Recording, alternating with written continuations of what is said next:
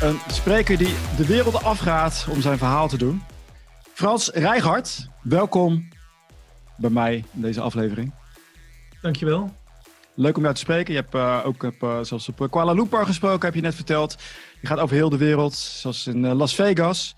Ik vind het altijd bijzonder om mensen te spreken die over heel de wereld gaan. Die hebben, een mooi, en die hebben een mooi inspirerend verhaal. Daar ben jij zeker eentje van. Je noemt jezelf de klantenfluisteraar. Wat, ja. wat, houdt, wat houdt het allemaal in? En voor, wat ook een doelstelling is, we zitten nu in een van de grootste crisissen in jaren. Hoe kan jij mensen eruit helpen? Hoe kan jij onze ondernemers helpen om vooruit te komen? Ja, nou ja, um, jij, jij, noemt mij klantenfluisteraar. Die uh, uh, vergissing wordt vaak gemaakt en dat, dat, die heb ik waarschijnlijk zelf veroorzaakt. En dat heeft zijn oorsprong waarschijnlijk in de paardenfluisteraar. Maar ik noem mezelf niet, klant, uh, niet klantenfluisteraar, maar klantenluisteraar. Kijk. En dat is, uh, ja, het is maar één letterverschil. Dus je bent zeker niet de eerste die, die zich vergist. Um, maar het is wel een wereld van verschil. Fluisteren of luisteren. Nogal, ja. Want fluisteren is nog steeds zenden, alleen wat zachter. En luisteren, uh, ja, dat is een mooie vraag die je stelt. Hoe, hoe kun je daarmee de wereld verder helpen? Ik wil het nooit zo zwaar maken, want ik, ik hou van praktisch. Maar ik denk echt, als je kijkt naar uh, ja, de, de, de, de, het wereldtoneel en maatschappelijke onrust en een disconnect tussen heel veel uh, partijen in de samenleving wereldwijd, versterkt door uh, crisis, dat, ehm, dat luisteren daarin een, een, een brug kan zijn. Uh, dus, dus, door beter naar elkaar te luisteren ontstaat vanzelf meer connectie, ontstaat meer begrip voor wat de ander vindt en voelt. Zonder dat je daar per se mee eens hoeft te zijn. Want mee eens zijn of mee oneens zijn zit weer een heel ander vlak. Dat is een oordeel. Ja, nou, nou zeg je iets heel raars natuurlijk, hè? want iedereen moet het natuurlijk met mij eens zijn. Klopt, ja, we, we hebben natuurlijk, uh, uh, we zijn zo geconditioneerd, uh, zo gebouwd dat we de wereld kijken vanuit ons perspectief. Dus dat doen we allemaal. Ehm, maar het is goed als wij met ons rationele brein dat ons gegeven is, ons dat bewustzijn en het ook kunnen overroelen en zeggen, wacht eens even, maar het perspectief van de ander uh, weegt ook mee. En als ik werkelijk connectie wil maken in verbinding, dan, want we zullen het toch echt met z'n allen moeten doen, met elkaar moeten doen, is het misschien wel goed als ik ook weet wat die ander vindt en voelt en denkt en wil. Ja, en dat, ja. is, dat is lastig, want dat, dan moeten we ons, ons, ons reptiele brein overroelen. En ons reptiele brein is geconditioneerd op, op oordelen, heel snel oordelen uh, van gaat iets mij doodmaken? Of moet ik het doodmaken? Of moet ik het opeten? Of moet ik het neuken? Excuseer mo. Maar dat is de, de, overlevingsdrang die ons, in ons systeem zit. Dus dit is ook, dat, dat... We, zijn, we zijn ook allemaal zelf klant. Dus dit is ook hoe jou, uh, jouw klanten denken. Dus kan je, kan je aangeven waarom het handig is om dat te weten? Dat de klant ook op die manier denkt primair. Dat is zijn hele basis. Hè? Je geeft aan het reptiele brein. Super basis. Een van de eerste dingen die de klant denkt is van... wow, uh, is het gevaarlijk? Um, nou ja, ja en ik, ik, bekijk het meer nog van de andere kant. Uh, we hebben de neiging als uh, organisaties, als bedrijven... om uh, die klant als bedreigend te ervaren. Dus er, er zit een haat-liefdeverhouding. We hebben die klant nodig, ja. want anders uh, draait de tent niet. Uh, maar feedback vragen aan een klant, of, of feedback, als we het niet vragen, uh, feedback krijgen van een klant. En dat kan een klacht zijn, maar dat kan ook gewoon liefdevolle feedback van een klant zijn die zegt, nou, ik ben heel tevreden, maar dit zou beter kunnen. Uh, de reflex die we hebben als organisatie als bedrijf. En ik zeg wel eens, organisaties en bedrijven bestaan niet. Hè? Dat, zijn, dat zijn niet uh, levende organismen. Dat, dat zijn, ze bestaan uit mensen. En, en de reflex die mensen hebben, is om uh, uh, te vechten tegen iets wat een beetje pijnlijk is. Of ervoor te vluchten, het te ontkennen enzovoort. Al die reflexen kennen we wel.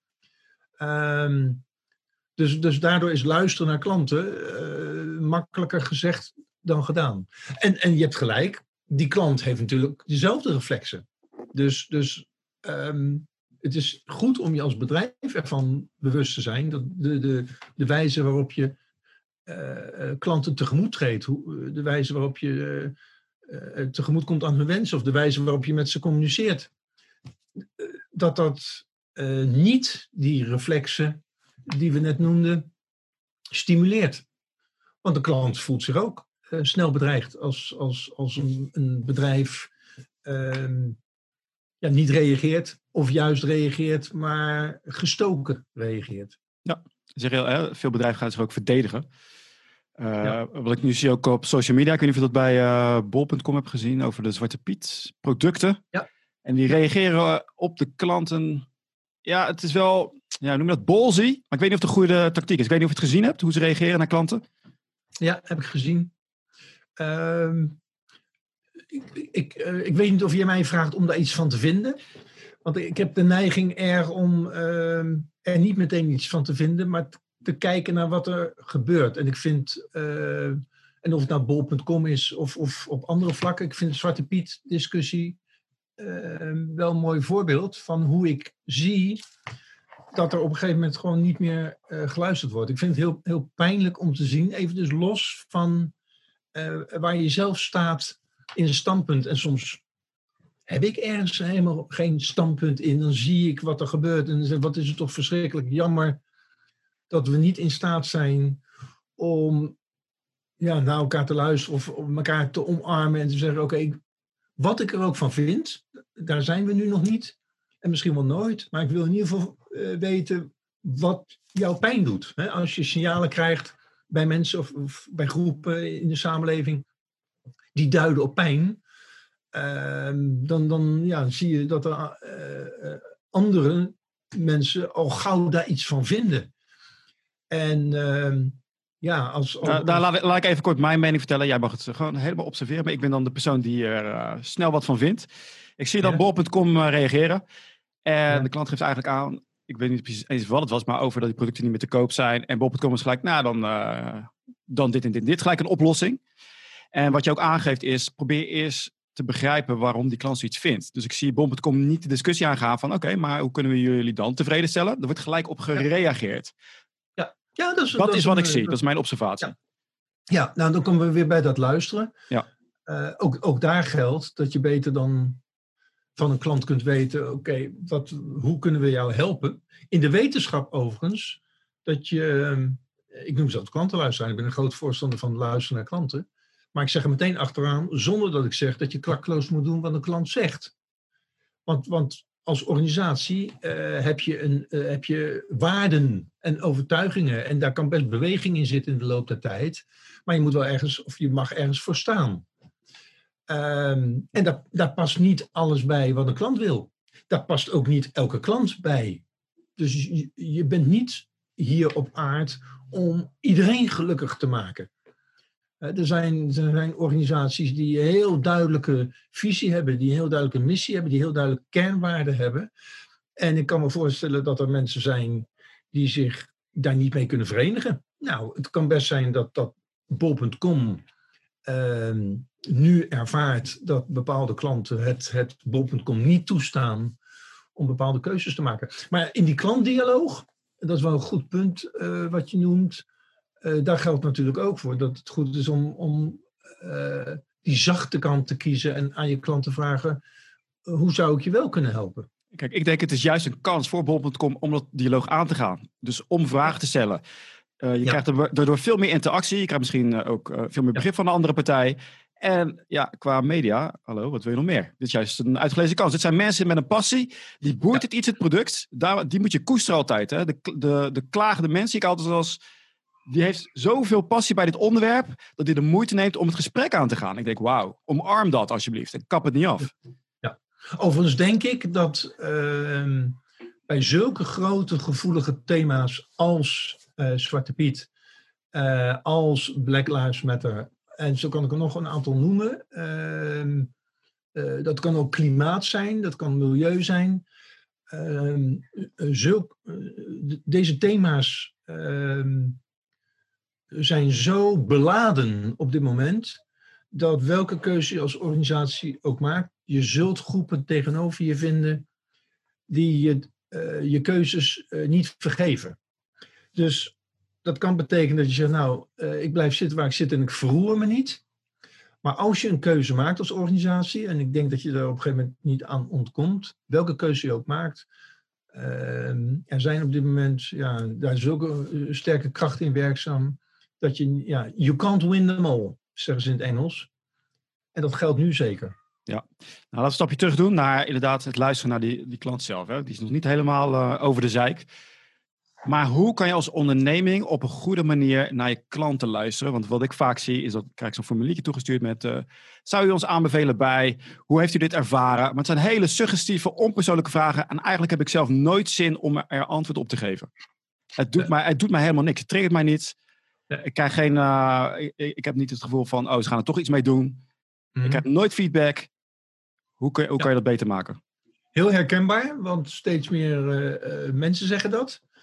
Dus ehm, e-, even een stapje terug nog. Ik kom zo terug op wat jij uh, vraagt. Ehm, van hoe kun je naar uh, uh, klanten luisteren? En je, het voorbeeld dat jij beschrijft is heel operationeel.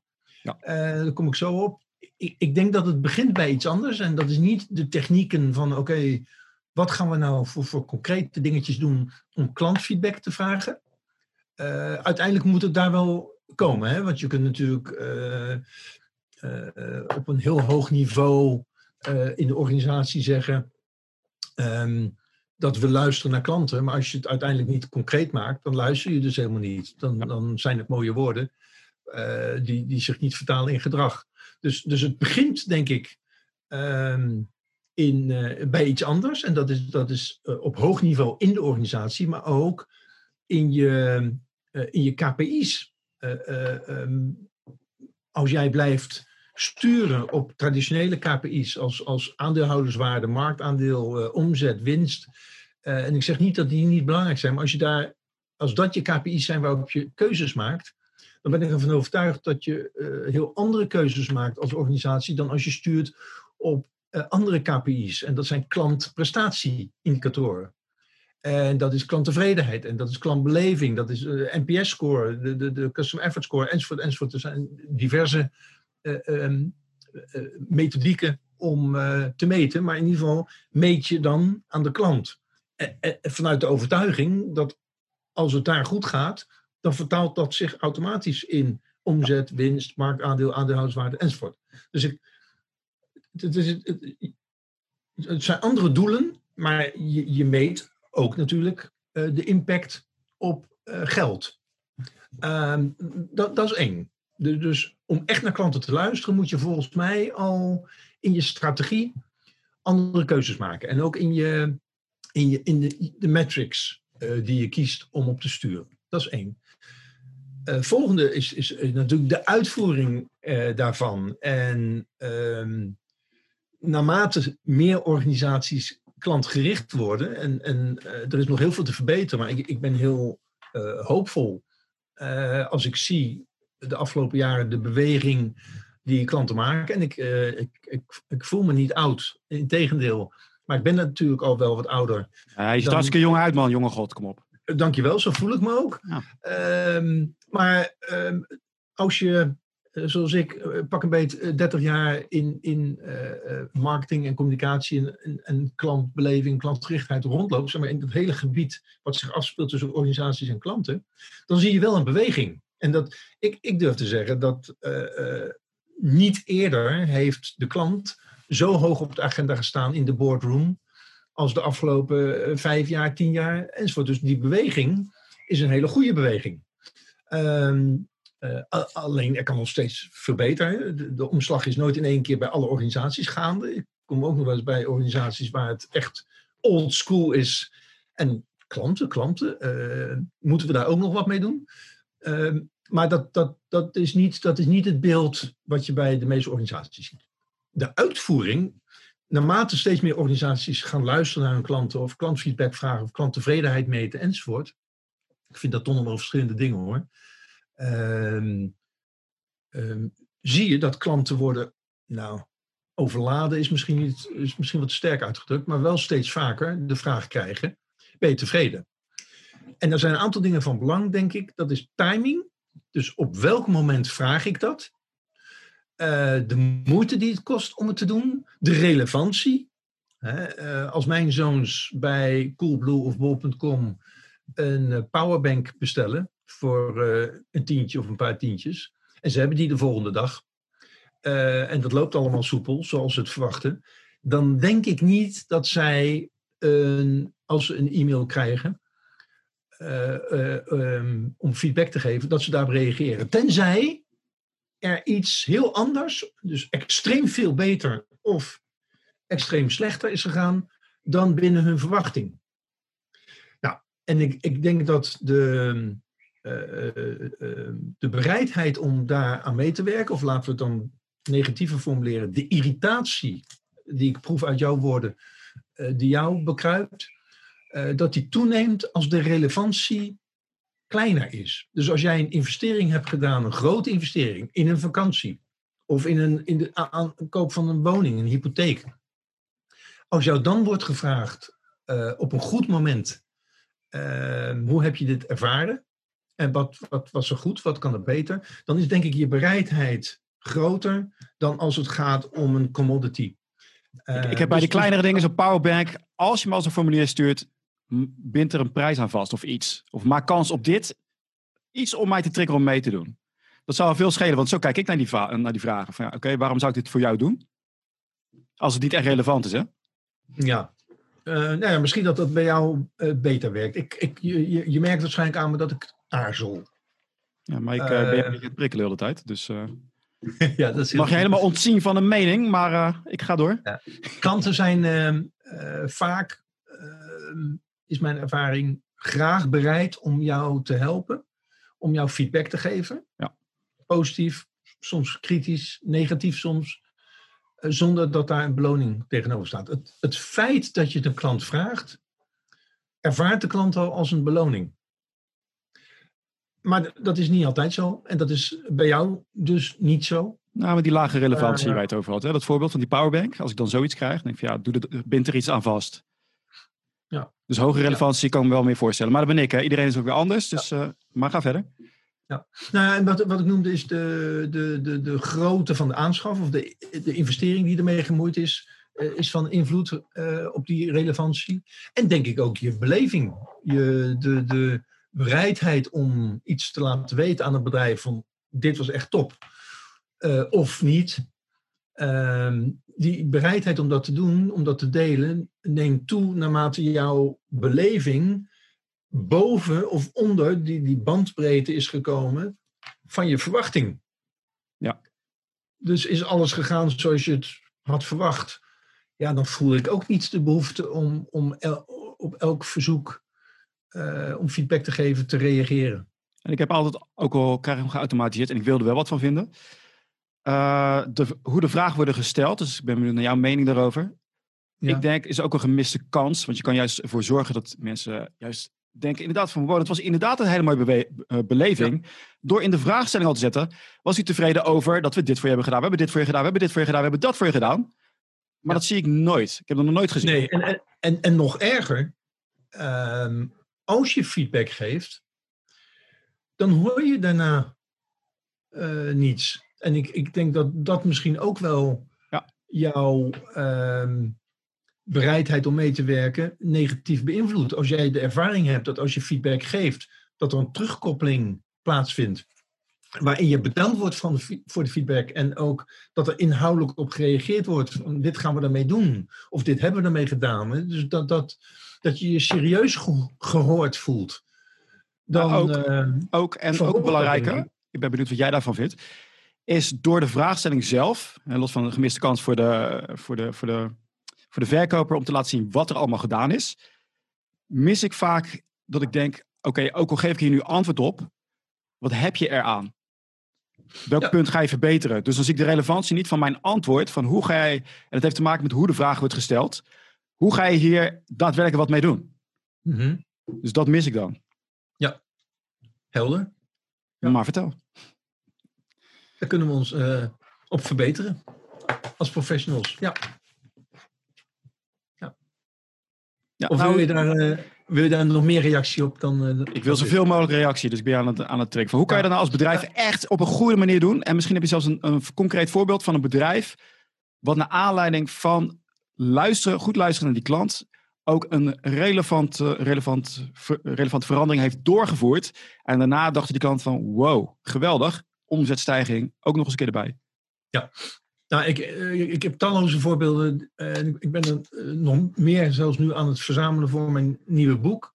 Kus de cactus. Daar, daar zit dat al in, dat omarmen van iets wat je pijn kan doen. Ehm, en het grappige is dat, dat ik heb een oproep geplaatst op LinkedIn om bedrijven uit te nodigen om te reageren en met voorbeelden te komen, cases aan te dragen. En dan reageren ook bedrijven, daar ben ik heel blij mee, ehm, waarvan we al, pratende, waarmee ik al pratend, uh, moeilijk tot een concreet voorbeeld kom. Oké, ik begrijp dat jullie luisteren en ik begrijp dat jullie dit doen en dat doen en dat doen. Uh, kun je mij een voorbeeld noemen, een heel concreet voorbeeld van een klantinzicht dat je hebt gekregen, dat mag jaren geleden zijn, uit dat luisteren naar klanten. En of je dat nou doet met een, uh, met een uh, enquête, of dat je dat nou doet met klantarena's, of dat je het doet met, met andere methodieken en technieken.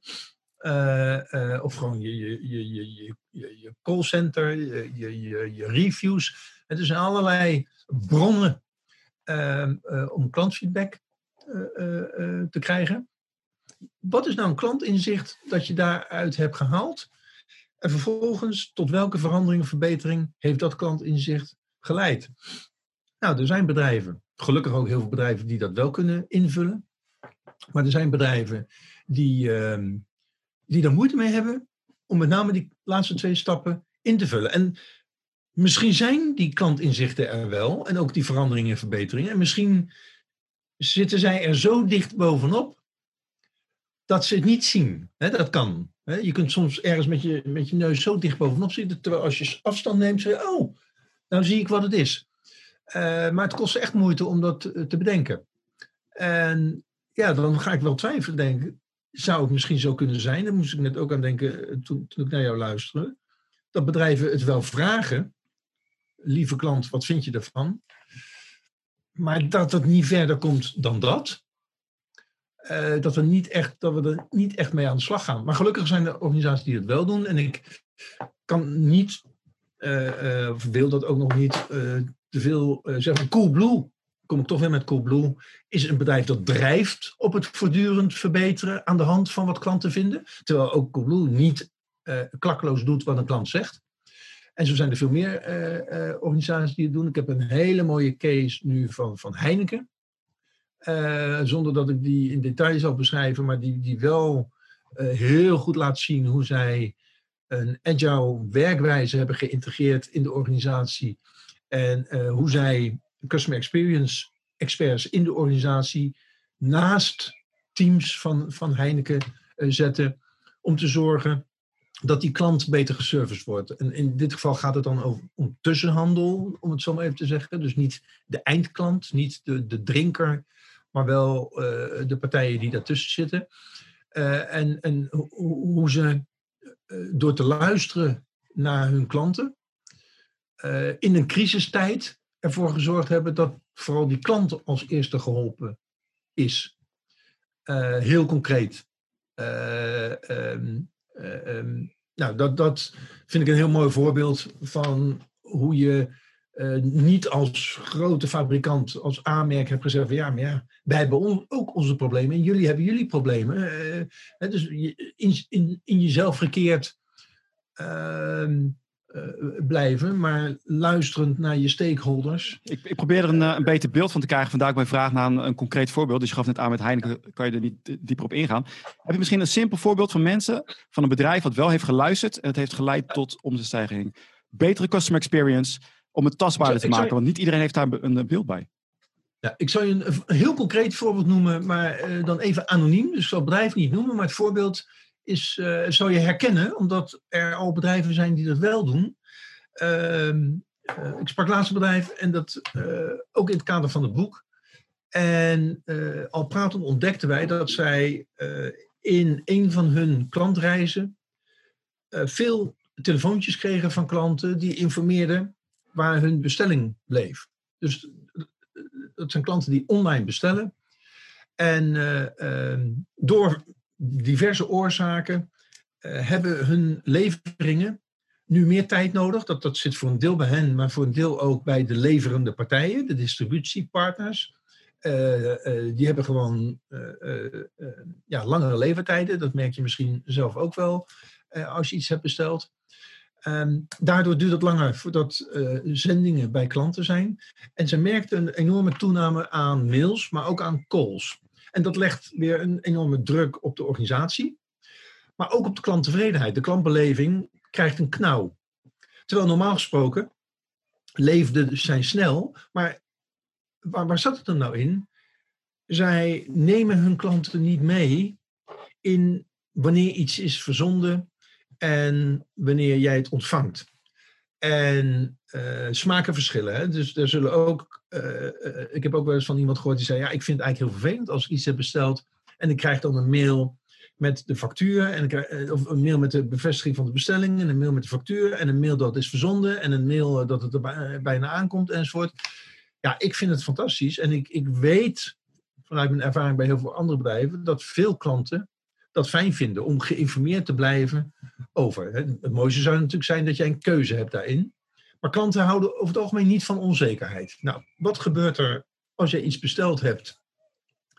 Um, Tenzij het iets is waarvan je het logisch vindt dat het een paar weken duurt. Maar als, je dat, dat, eh, als het iets kleins is, dan verwacht je dat het gewoon in een paar dagen is. Nou, als dat niet zo is en je neemt je klanten daarin niet mee, je managt de verwachtingen niet, dan gaan ze bellen, dan gaan ze mailen, dan worden ze onzeker, ze worden kriegel. Ehm, dus dat kun je heel simpel oplossen door ze mee te nemen in dat traject. Dus vertel ze ook dat het wat langer kan duren. Geef ze, waar mogelijk, een indicatie van wanneer ze het ontvangen. Ja. Uh, klanten houden van die uh, duidelijkheid. Nou, dat, dat zijn ze gaan doen. En ze zien meteen dat, dat de, de druk op de organisatie uh, afneemt. Nou, heel veel organisaties doen dat al. Misschien nog wel meer organisaties doen dat nog niet. En zo'n simpel dingetje. Vaak zit het hem gewoon in het communiceren met je klanten. En dit kun je automatiseren. Ehm, dat, dat zou ik ja, elk bedrijf adviseren om dat te doen, omdat dat direct bijdraagt aan uh, de klantbeleving. Ik moet denken aan het, uh, het openbaar vervoer, waarbij je vroeger dus niet wist wanneer die, uh, die bus, metro aankwam. Ja, ja, en dus mensen waren heel erg geïrriteerd van, ja, het duurt zo lang. En dan zou je wel als onderneming kunnen denken van, oh, er moeten meer bussen en treins komen. Maar het ging eigenlijk gewoon om, manage, om verwachtingsmanagement. Want, oh, hij komt over zeven minuten. Dus je kan met een hele simpele oplossing kan je heel, iets wat, wat gezien wordt als een groot probleem oplossen. Dus, dat vind ik een heel mooi voorbeeld als je ergens in, in, eh, tegenwoordig uh, op een tram of bus staat te wachten in de grote steden. Dan, uh, dan zie je inderdaad de tijdindicatie van wanneer lijn zoveel of lijn zoveel komt. En die duidelijkheid verkort al je beleving van wachttijd.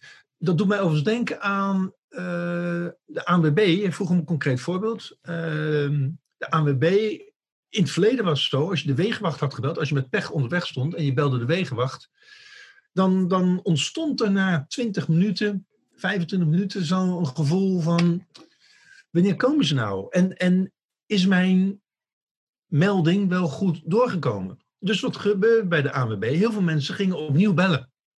Van ja, ik heb een half uur geleden al gebeld, maar er is nog niemand. Uh, uh, uh, wanneer komt er iemand? Nou, dat hebben ze opgelost door jou een, een, misschien een appje tegenwoordig, maar eerst was een sms'je te sturen met een bevestiging van je melding en een indicatie van de tijd dat er iemand, de tijd dat het duurt voordat er iemand bij is. Nou, dat verkort al de beleving van wachttijd. Dus nou ja, zo hebben we. Ik vind het, een, ik vind het heerlijk. Het is echt ja. zo. Ja, dus ja, heel, heel blij om. Dus, dus dat, dat, je kunt geruststellen dat dat voor de meeste mensen geldt. Maar zoals we net ook hebben gezien toen jij vanuit je eigen beleving aangaf wat jou irriteert als jou wordt gevraagd uh, of je tevreden bent. Uh, ja, is het, is het zoeken naar. Kijk, wat je het liefst zou willen doen, is het degene die er niet van houdt, niet vragen. En degene die, die het prima vindt, wel vragen. Uh, nou ja, ik, ik, heb nog een, uh, nog een vraag over het, over het krijgen van feedback van die klanten. de Ja. laatste keer dat ik heb gebeld, eh, toen werd een wasmachine werd, eh, werd mij afgeleverd. Ik kreeg geen formulier met een feedbackformulier, maar ik heb zelf gebeld naar het bedrijf om te zeggen hoe geweldig ik hun service vond. En Ja. dat doe ik nooit. Maar in dit geval, er waren eh, drie man. Eentje was aan het leren en die kwamen inderdaad gewoon alles op tijd. Hè? Die wasmachine kwamen ze brengen. Maar ik denk op dat moment ben je aan het doen wat, wat ik verwacht. Ja. Maar ze waren gewoon zo leuk tijdens het, eh, het aansluiten, de service. Gewoon een leuk praatje maken. En wat ik ook leuk vind, want als ze zeiden van... joh, wil je nog meer hebben, dan eh, heb je hier alvast wat extra bonnen. Ik noem maar wat op. Maar echt super klantgericht. Waardoor ik zoiets heb van, nou, dit- dit- ik moet even bellen om aan te geven. Doe dit alsjeblieft overal. Dus wat ik vaak mis is bij het leveren van het product, het leveren van de service. Zorg Mhm. ervoor als bedrijf dat je daar een punt in maakt. Waarbij, waarbij ik ook denk van, wauw, dit is de moeite waard om over te praten. Maar dit, maar, en, en, ja, ehm, dat zijn de bekende touchpoints i- in de, Ja. in de klantreis.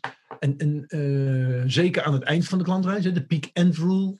eh, Tuurlijk. eh, ken je wellicht. Dus, dus zorg dat er pieken zijn in die klantbeleving. Ehm, vind ik alweer een ander thema dan het luisteren naar klanten. Maar goed, je, Nou ja, ik, ik, ik wil hem zo geven van, daardoor, en daarna zou ik bijvoorbeeld zo'n formulier krijgen. Waarop ook staat van, dit hebben we voor je gedaan, dit hebben we voor je gedaan, dit hebben we gedaan. Dan denk ik van, dit is relevant. Ik heb ook echt een, eh, een spark momentje van, ja, hier wil ik wat over zeggen. Weet je, of het goed of slecht is, hè. Goed nieuws wil je ook weten. Ben ik veel meer geneigd om het in te leveren en het hoeft maar iets heel kleins te zijn. Dus vandaar, ik ben aan het zoeken naar hoe kan je die informatie krijgen, zonder dat je alleen de klagers krijgt, want die zijn het meest gepassioneerd. Hè? Dus, maar ook de mensen die het eh, positief ervaren, hoe zorg je dat je dat hoger krijgt? Dus daar ben ik eigenlijk naar op zoek van, hoe kan je op beste manier die vragen stellen, zodat je van alle kanten de juiste informatie krijgt. Ehm, ja, ehm, je bent ernaar op zoek, maar volgens mij wil je ook een statement maken eh, dat, het, dat je het moet belonen met een cadeautje. Ehm, ik, ja, ik, ik neem de vrijheid om eh, daar anders over te denken. Het kan, maar het kan ook niet. En het hoeft niet altijd. Ik, ik denk dat het voorbeeld dat jij zegt over die, wat was het, een wasmachine? Ja. Dat, het, eh, dat timing daarin cruciaal is. Hè? Dus- het, het, het moment waarop je de klant vraagt, het was alles naar wens, ehm, dat is cruciaal. En, en eh, als ik een winkel heb bezocht, dan vind ik het, ja, het, het moment dat ik toch in die winkel ben en er staat een pilaar eh, waar ik een, een smiley kan indrukken, eh, vind ik een prima moment. Ik ben er toch en het, ik vind het wel grappig en het kost me geen tijd. En niet alle klanten zullen het doen, Eh, maar je verzamelt wel eh, veel informatie daarmee. Dat heb ik, heb ik, en ik weet niet hoe het voor anderen is, ik heb wel een vermoeden, heb ik duizend keer liever dan dat ik daar nog een mail over ontvang. Even vanuitgaande dat ik in het bestand van die retailer zit en dat ze mij mijn e-mailadres hebben en mij dat naar aanleiding van mijn bezoek zouden kunnen vragen. Dus eh, de vorm, eh, eh, ja, we hebben het steeds over relevantie. Re- het, is de vraag relevant, maar is, is, is, is het moment waarop je het vraagt ook relevant? En eh, ik zou me kunnen voorstellen dat het relevanter is op het moment dat jij toch bezig bent in dat moment van de wasmachine ontvangen en eh, eh, laten installeren, ehm, dat je op dat moment die vraag krijgt, dan als dat nog daarna gebeurt. Eh, in dit geval begrijp ik dat ze het helemaal niet hebben gevraagd en dat jij zo tevreden was dat je zelf het initiatief hebt genomen om het eh, te laten weten hoe tevreden je was. Ja, dit vind ik, dat dat is weer meer mijn mening. In dit geval vind ik het ook goed als ze het niet op dat moment hebben gevraagd. Want dan zou het weer zijn, oh, dat doe je alleen maar om te zorgen dat ik een grotere score geef. En nu kwam het heel spontaan over. Het is gewoon eigenlijk menselijkheid. Die verbindenis zijn ze aangegaan. Eh, waardoor ze een hele goede indruk bij mij hebben eh, achtergelaten. En ik ging juist bellen met het bedrijf. Wat ik hier ook goed aan vond, is dat ze ook super enthousiast reageerden. Van, oh ja, ik ga het gelijk doorgeven.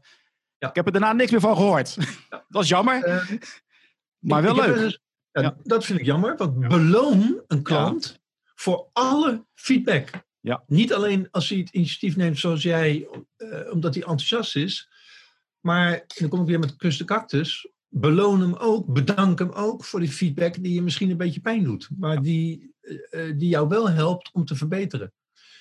Ehm, ja, dat. Kan, kan ik stellen dat die klant, hè, die eh eh, ja, met je boek Kus de, Cactus, excuus, gaat eigenlijk vanuit van als ondernemer willen wij eigenlijk niet dat gesprek aangaan met die klant, want voor het weet zeggen ze iets slechts.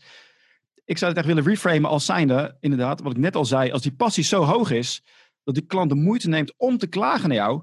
Emotie is emotie. En die emotie, die negatieve emotie, kan je ook ombuigen naar een positieve. Dus dit, dit zijn de mensen, dit kunnen jouw champions worden. Zie, ik- zie ik het zo goed? Eh, wa- wat is je vraag? De vraag is, hoe zie jij dat als je, hoe je dus eh, goed omgaat met die, eh, die klant die, die klaagt, dat dat juist een uitgelezen kans is om daar juist jouw spokesperson, jouw woordvoerder van te maken? Dat, dat is de kern van, van klantfeedback. In, in, in mijn beleving. Dat, je, dat die je kan helpen om te verbeteren. Dat geldt overigens niet voor klanten, want ik denk dat dat ook geldt voor eh, alle vormen van relaties. Of nou de relaties met je ouders of met kinderen of eh, eh, met je partner. Ehm, dat in, in feedback zit een mogelijkheid om te verbeteren. Ehm, over het algemeen leer je als organisatie weinig van de klanten die jou, even in NPS-termen gesproken, een 9 of een 10 geven. Maar leer je veel meer van de klanten die jou een 7, een 6 of een 5 eh, geven. Ja. Eh, daarin zit vaak, die klanten kunnen jou vertellen wat hen niet beviel. Of wat, wat er nodig was geweest om hen tevredener eh, te laten zijn. Nogmaals, met de mogelijkheid dat zij jou iets vertellen waarvan je zegt, nou, ik snap dat die klant dat wil, maar dat gaan we niet doen. Dat kan soms ook. Alleen het dan maar niet vragen eh, zorgt ervoor dat je heel veel mist van wat die klant jou kan vertellen aan, aan, aan, aan ladingen, aan informatie kan die je geven, waarmee jij kunt verbeteren. Ja. Dus eh, terugkomend op jouw vraag, dat is de kern. Eh, je, je vroeg hoe kijk ik daarnaar? Nou, dat, wat jij zegt is de kern. Nou, het is het inderdaad er van hoe maak je van die, eh, van die ogenschijnlijke cactus een, eh, ja, is een, een mooie bloem eigenlijk. Hè? Want anders heb je die weerstand. Maar het is juist hoe meer passie iemand heeft, hoe boos hij ook is. Ik vind, ik vind het altijd leuk om die gesprekken juist aan te gaan. Omdat ik weet dat ik die emotie kan draaien naar, nou ja, zeg geen liefde, maar wel naar een, juist een sterkere band. Hè? Een sterkere band krijg je met iemand. Het kan positief en negatief zijn. Maar die negativiteit kun je ook gebruiken om een band te creëren. Waardoor die persoon juist zoiets heeft van wow, er wordt naar mij geluisterd. wat jij nu zegt, eh, eh, klopt helemaal. Eh, maar dat is dus rationeel. Hè, dus, dus om dat te, te kunnen doen wat jij zegt, moet jij heel bewust keuze maken. Ik weet dat het goed is. Ik weet dat het goed is. Ik weet dat het goed is. Het doet me misschien pijn, maar ik weet dat het goed is.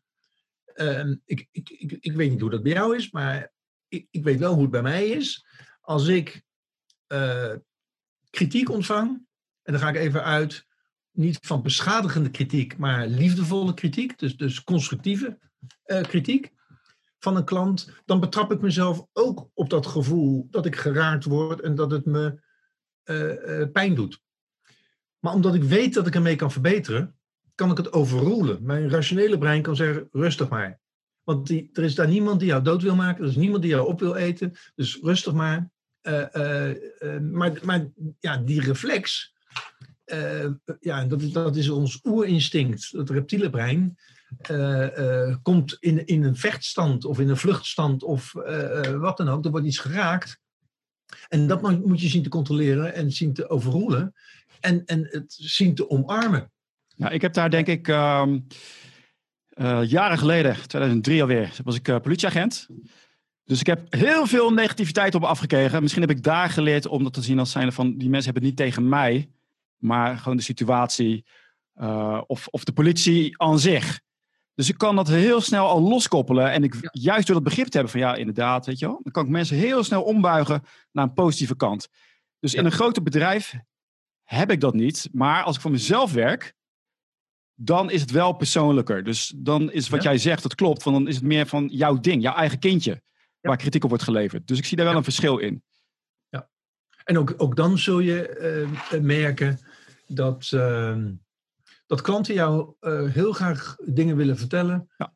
eh, waar je mee kunt verbeteren. En dat je dan snel al denkt, als een klant een NPS-score geeft van 7, en eh, dat, dat, dat gebeurt mij ook, ehm, dan weet ik, die klant is niet tevreden. En dan ga ik tot het gaatje om uit te vinden, als een klant dat al niet zelf heeft aangegeven, waar zat het dat dan in? En dan blijkt altijd dat de klant heel goed kan aangeven waar het voor die klant in zat. En dat die klant vervolgens ook zegt, we waren overigens waren we best tevreden hoor. Uh, dus je maakt het vaak zelf ook zwaarder en groter, want het is niet wat je wilt. Je wilt nou een 8 minimaal, maar je wil eigenlijk een 9 of een 10. En dat, dat is ook goed. Dus er zit iets dubbels in. Naarmate je meer 8's, 9's, 10 krijgt, uh, word je, word je, streelt het je ego en, en, en beantwoordt het aan je streven. Alleen het leert je steeds minder. Want het leren zit niet in die 9's en de 10. Maar dat gaf ik net al aan. Het leren zit in de, ja, de minder goede cijfers. Ja, misschien heb je al een perfect eh, product en dienst uh, zelfs. Dat zou ook nog kunnen. Wat bedoel je daarmee? Niks aan verbeteren, dit is perfect. Uh, Jij denkt dat ben ik nog nooit tegengekomen. Nee, nee, nee, nee, nee, nee. Ik, ik, ik heb er, ja, uh, begrepen dat er toch wel bedrijven zijn die zeggen, onze ervaring is, ik hoorde dat laatst nog van, van een, een, grote, een groot internationaal concern. Ja, we, we, hebben toch wel de ervaring dat in, in Nederland dat we minder snel tienen scoren dan in andere landen. Um, ik heb van andere bedrijven weer gehoord dat die die ervaring niet hebben. Dus uh, misschien verschilt het van type klant of type product, sector waarin je werkt. Um, dat zou kunnen inderdaad. Ik ben ook wel benieuwd van hoe kan je zorgen dat je de juiste vraag, misschien staat het ook in je boek hoor. Want de vraag stellen, daarbij gaat de klant waarschijnlijk automatisch al, in Nederland zeker, al kijken naar oké, wat ging er mis? In plaats van nou, wat ging er goed? Dus hoe zorg je ervoor dat als je die vraag stelt, dat je de klant al misschien een beetje kan sturen, maar op een goede manier? Hè? Dat je wel eerlijke informatie krijgt. Ja, ja. Uh, uh, uh, dat je.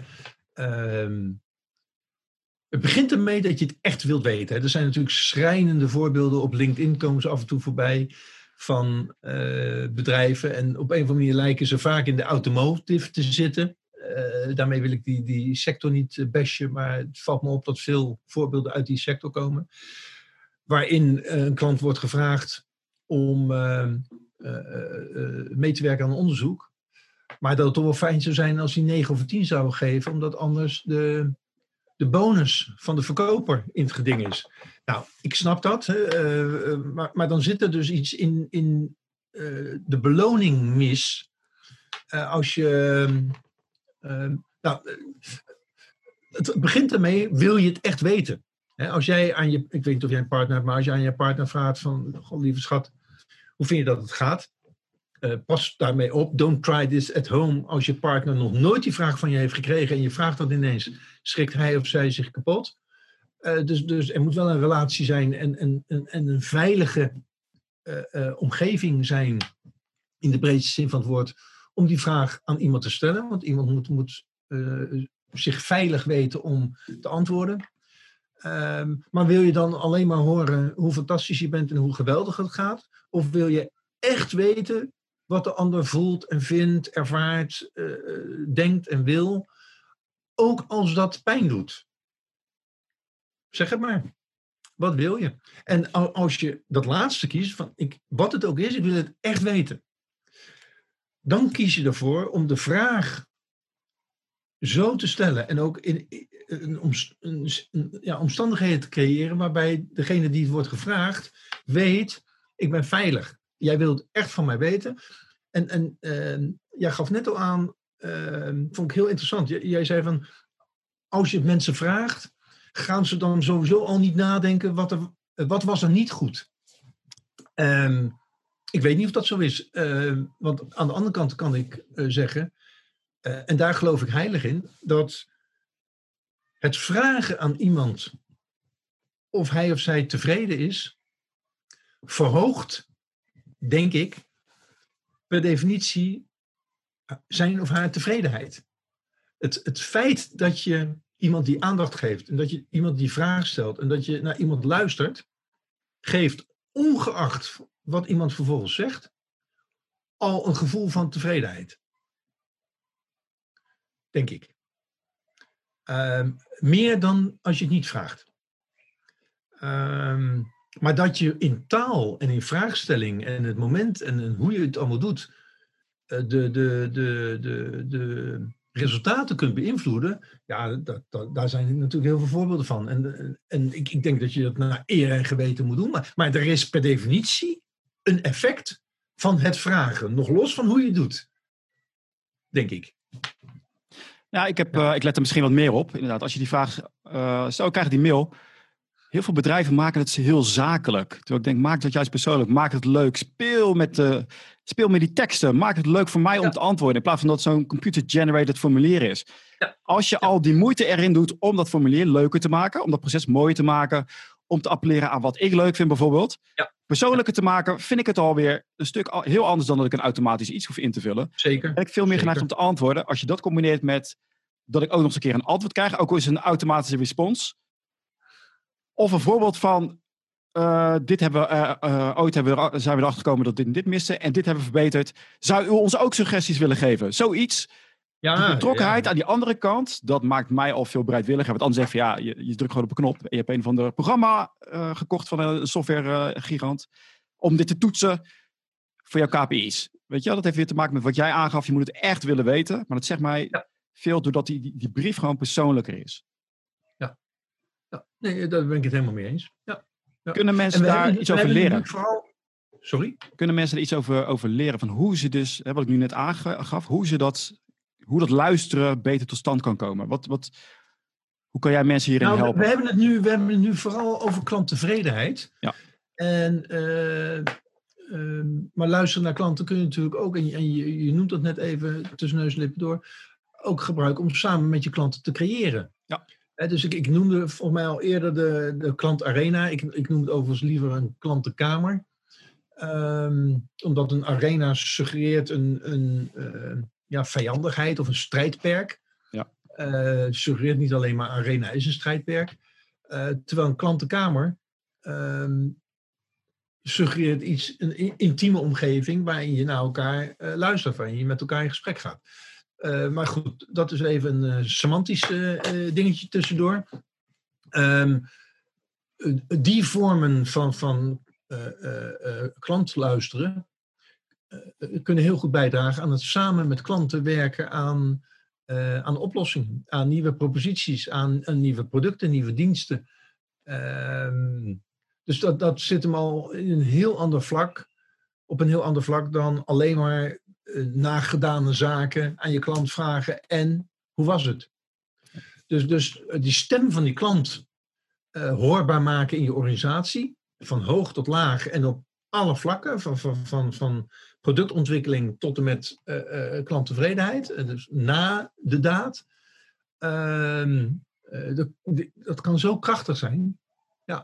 Heb je daar misschien een eh, voorbeeld van? Ik ben wel benieuwd hoe je dat als bedrijf goed aanpakt. Dat je echt luistert naar die klant, mee denken aan het creëren van het product zelf. Ja, je, je overvalt me met vragen van kom met een concreet voorbeeld. Ik, wat ik schets is denk ik al concreet. En ik, ik ken diverse organisaties, maar die heb ik niet paraat. Dan zou ik dat, uh, had ik dat even van tevoren moeten weten van je. Die uh, customer advisory boards hanteren. En die, die, die drie, vier keer per jaar met een selecte klantgroep op hoog niveau uh, een hapje gaan eten en gaan luisteren naar de strategische uh, issues die leven bij, uh, bij die organisaties, bij hun klanten.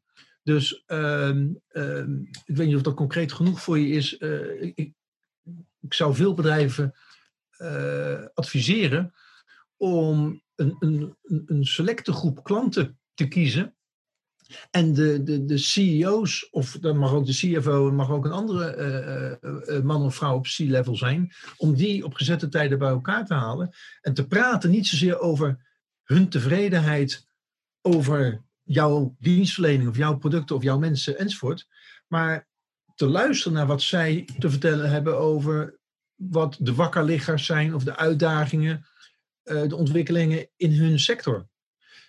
En waarom? Omdat als jij goed weet welke beweging jouw klanten maakt, stel jouw klanten zijn transportbedrijven, dan, en je, je vraagt alleen maar naar hoe tevreden zij zijn over jou, dan leert jou dat nog steeds niet wat er gaande is de komende drie jaar, vijf jaar, tien jaar, dertig jaar in die sector.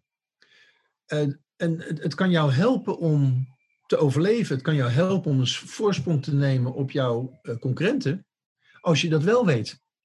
En uh, jouw klanten zijn heel graag bereid om dat met je te delen. Om jouw deelgenoten, vinden het, klanten vinden het fantastisch. Als jij dit soort initiatieven ontplooit. En zij mogen met, met vakbroeders, vakzusters een paar keer per jaar over hun vak lullen. Excuus helemaal. En, en, en uh, jij zit daarbij om gewoon te horen en, en, je, en je voelsprieten uit te zetten. Goed te weten welke beweging die sector maakt. Daar kun jij je voordeel mee doen. Dat snappen ze ook. Um, dus, ik, dus ik, ik, vind het, ik vind het echt een hele goeie om dat te doen. Hè? Dat, kan je echt wel, uh, dat is echt de moeite waard om daar budget voor apart te zetten. Je bent een connector, je brengt iedereen bij elkaar, je ja. luistert. Ja, ja het, het, en, menselijk aspect. Ja. Ja, de, de, deze methodiek, hè, de, de, de Customer Advisory Board, um, op een of andere manier zie ik die meer in business to business dan in business to consumer. Uh, maar de klantenkamer die ik net noemde, die kun je heel goed uh, met, met uh, klantgroepen business to consumer doen. Hele specifieke klantgroepen. Um, dus ja, dus, er zijn in, mijn, in mijn boek zet ik de, de verschillende technieken op een rij. Um, um, want je kunt ook naar klanten luisteren zonder naar klanten te luisteren. Nou, dat klinkt wel heel erg. Uh, ja, nu, uh, nu, ga je gekke dingen zeggen. Nou, uh, klanten jokken. En daar bedoel ik niet mee dat ze sociaal gewenste antwoorden geven. Maar ik bedoel, als Vodafone Ziggo mij vraagt.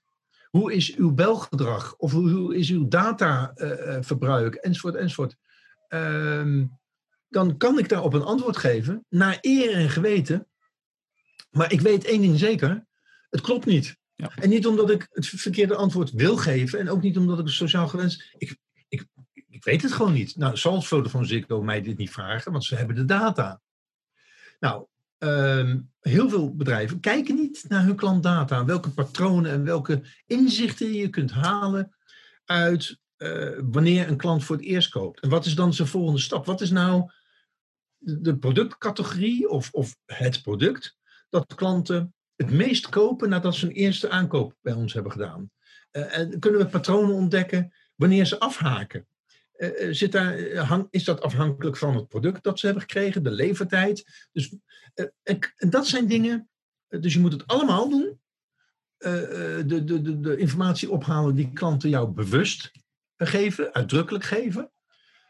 maar ook, ook informatie halen uit data. En dat is informatie die een klant jou niet uitdrukkelijk geeft. Sterker nog, hij, hij, wil het je misschien wel geven als je vraagt, maar wantrouw het maar, want de klant weet het niet. Ja, wat je al aangaf, het reptiele brein, dat speelt een hele grote rol. 95% van onze keuzes maken we onbewust. En het is vaak zo als je de klant direct vraagt, dat die gewoon uh, gaat, het gaat rationaliseren waarom die keuze is gemaakt. Dus inderdaad, wat jij zegt, die data is heel belangrijk. Ja. Ik ben bezig met een, uh, een nieuw boek. Kan je al een, uh, een tipje van de sluier oplichten van wanneer deze uitkomt? Ja, dat is, uh, ik, ik was aanvankelijk van plan om het boek uit te brengen dit najaar. Denk aan oktober, november. Ehm, gelet op de, de huidige situatie, en dan heb ik het over corona, um, sluit ik niet uit en verwacht ik zelfs dat ik het, het, boek wel schrijf dit najaar. Daar ben ik druk mee bezig en dat ik het afmaak. Maar dat ik het lanceer op het moment dat wij weer in een situatie zijn gekomen dat wij elkaar kunnen ontmoeten. En uh, events kunnen organiseren. Omdat, uh, daar ben ik heel eerlijk in, het, het, boek. Ik, ik leef niet van het schrijven van boeken. Uh, boeken zijn voor mij een, een katalysator voor uitnodigingen voor spreekbeurten. voor inspiratiesessies, voor keynote speeches. Dus ik zou het jammer vinden als ik in oktober, november met dat boek kom. En laten we hopen dat we ergens volgend jaar, of misschien wel nog later, uh, weer in de situatie komen dat, dat er meer events georganiseerd worden. En dat dan ja, het momentum weg is. Dat de prik van uh, cola is. Omdat dat is een mooi bruggetje, al... want er komt ook een onderwerp over hoe jij je boek kan positioneren. Om te zorgen dus dat jij uh, nog meer gevraagd gaat worden. Nou, je geeft nu al aan van daar gebruik ik het boek voor. Los dan dat het een mooi visitekaartje is, mooi naslagwerk. Ja. Mensen kunnen zich wel alvast inschrijven om op de hoogte te raken. Waar wil je de ja. mensen heen sturen? Ze krijgen alle linkjes, maar vertel het voor de mensen die alleen naar de audio luisteren. Ja, op mijn uh, website uh, kunnen mensen, uh, daar staat een aankondiging voor het boek. Dus als je op mijn website gaat naar boeken, dan staat daar een aankondiging van Kuste Cactus met de mogelijkheid om je, laten we zeggen, op een, op een lijst te laten zetten, zodat je bericht ontvangt van het verschijnen van het boek. Dus zodra dan de datum van verschijnen bekend is, ontvang je daarvan automatisch een bericht. Ja, en het wordt verder niet in lastige gevallen maar alleen een aankondiging van het boek. Er is nog heel veel andere materie die je daar kan vinden. Alles over die customer journey, wat je al aangaf, voorbeelden. Uh, ik zag een aantal whitepapers wat je kunt downloaden. Je schrijft blogs erop. Ik zeg ook dat je een, uh, de Engelse versie hebt en een Nederlandse versie. Vond, uh, ja, er staat een, een vlaggetje op die ja, website. Dus als ja. je zegt, ik, ik lees liever in Engels, dan klik je op, het, op de Union Jack en dan ja, ja, ja, lees je de website dus in. France Goes International. Ik vind het geweldig. Ik, ik hoop dat uh, uh, dat bedrijven veel meer naar klanten daadwerkelijk gaan luisteren en daarmee ook, uh, dus niet alleen maar plastische vraag stellen, maar ook daar echt mee aan de slag gaan. En dat heb je niet zomaar in een, in een uurtje heb je dat door. Dus ik zou zeggen, ga naar de website, haal het boek, haal Frans in huis. Ik weet niet of het na coronatijdperk, ja, ik, ik, ik meen dat. Het moet leven. Het is heel lastig om dat uit te leggen binnen een bedrijf. Je moet er echt een extern iemand voor hebben als, die als katalysator werkt. Dus ik vond het in ieder geval een heel leuk gesprek. Dank, dank daarvoor. Ik ook. En ik hoop dat dit veel meer gebruikt. De kritische vragen. Gek, zo, zo ben ik. Hey Frans, dank je. Ja, heel goed.